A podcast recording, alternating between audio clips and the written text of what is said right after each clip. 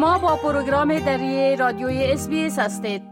حال با جاوید روستاپور خبرنگار برنامه دری برای جنوب آسیا به تماس هستیم که اونا درباره تازه ترین رویدادها در افغانستان معلومات میتن آقای روستاپور سلام عرض می کنم خب گفتم میشه که بعضی از زنها در ولایات تخار و بدخشان از اعتصاب غذایی یک دسته از زنها در اروپا حمایت کرده و اینا هم اعتصاب غذایی را آغاز کردن. بله؟ با سلام وقت شما بخیر آقای که برای همان گونه که شما اشاره کردیم اعتصاب غذایی تمنا دریاب پریانی و شمار دیگر از فعالان زن اهل افغانستان در آلمان در روزهای گذشته ادامه یافت و برخی از زنان نافریز در افغانستان نیز در حمایت از آنان دست به اعتصاب غذایی زدند. اعضای جنبش زنان معترض در ولایت‌های تخار و بدخشان در شمال شرق افغانستان برای دومین روز به اعتصاب غذاییشان ادامه دادند. اعضای این جنبش در یک بیانیه مشترک گفتند که تا زمانی که به اعتصاب غذایی ادامه خواهند داد که جهان به خواستایشان عمل, عمل کند و باید آپارتاید جنسی را به رسمیت بشناسد.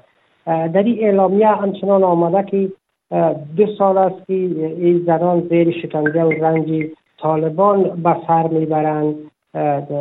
ولی از حقوق انسانیشان محروم شدن ولی جهان بخصوص های بینالمللی به گونه خاموشی اختیار کردند.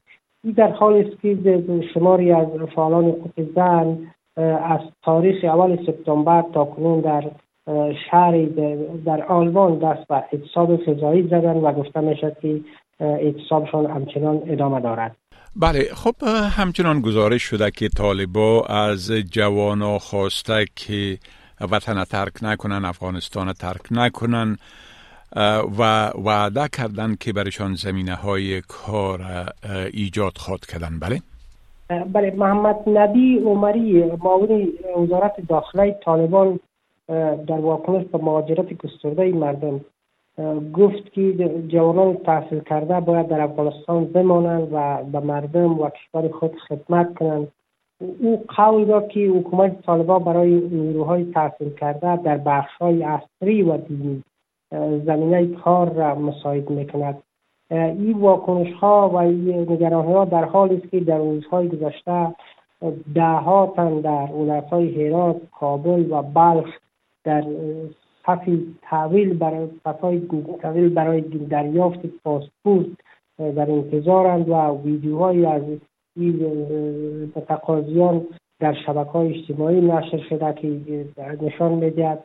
اینا پاسپورت بگیرند و بیرون از افغانستان مهاجرت کنند طالبان هرچند از آغاز تسلطشان بر افغانستان تاکید بر وعده کار برای مردم دادن ولی بر بنیاد آمارها و گزارشهایی که رسانه ها و سازمان های بینالمللی نشر کردن با گذشت هر روز زمینه بیکاری در افغانستان بیشتر شده و دامنه فقر و گسترش یافته.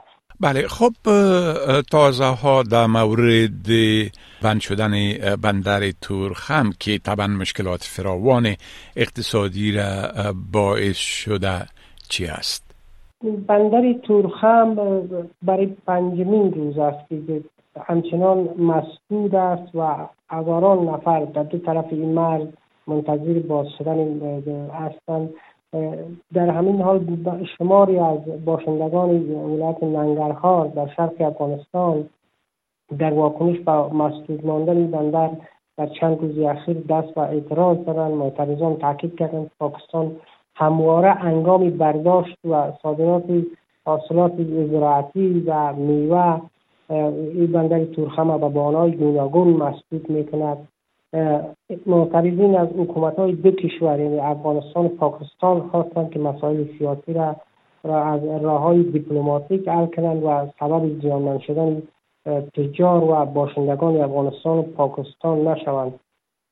از سوی دیگر هم وزارت خارجه پاکستان در یک خبرنامه موقف های طالبان را در برابر اسلام آباد تعجب آور خوانده و گفته که طالبان طالبان را به ساخت پاسگاه در خاک پاکستان متهم کرده و گفته که این مسئله سبب مسدود شدن تورخم شده. از سوی هم رئیس رئیس مشترک اتاقای تجارت افغانستان و پاکستان گفته که به علت مسدود ماندن تورخم در شش روز گذشته بیشتر از دو میلیون دلار به دو طرف یعنی تجاری افغانستان و پاکستان و زیان وارد شده. این در حال است که بر بنیاد گزارش ها حیاتی که از پاکستان تا روز گذشته با و از افغانستان با هم گفتگو کردن در رابطه با بازگشایی تورخم گفتگو و مذاکرات از یا نتیجه مطلوبی در پی نداشته است. بله خب طالبا انتقادات را مبنی بر ای که رسانه ها در افغانستان با مشکلات مواجه هستند رد کردن. بله؟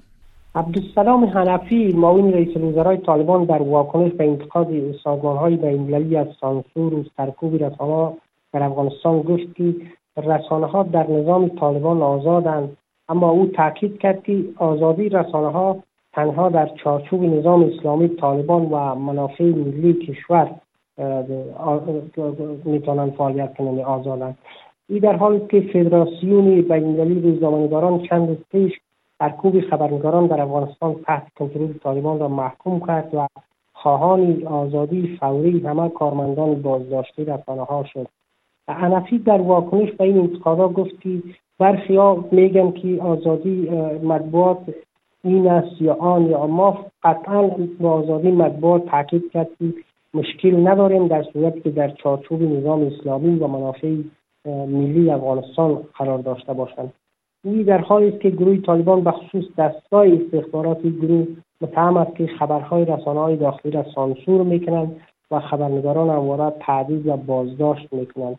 در تازه ترین مورد هم فدراسیون بینالمللی روزنامه‌نگاران و چند نهاد حامی رسانه ها نهادهای بینالمللی تاکیدشان بوده که در ماهای پسین خشونت طالبان علیه خبرنگاران و سانسور به شدت افزایش یافته و در پی خشونت ها دست کم ده رسانه محلی در ولایت افغانستان نشرات خود را متوقف ساختند.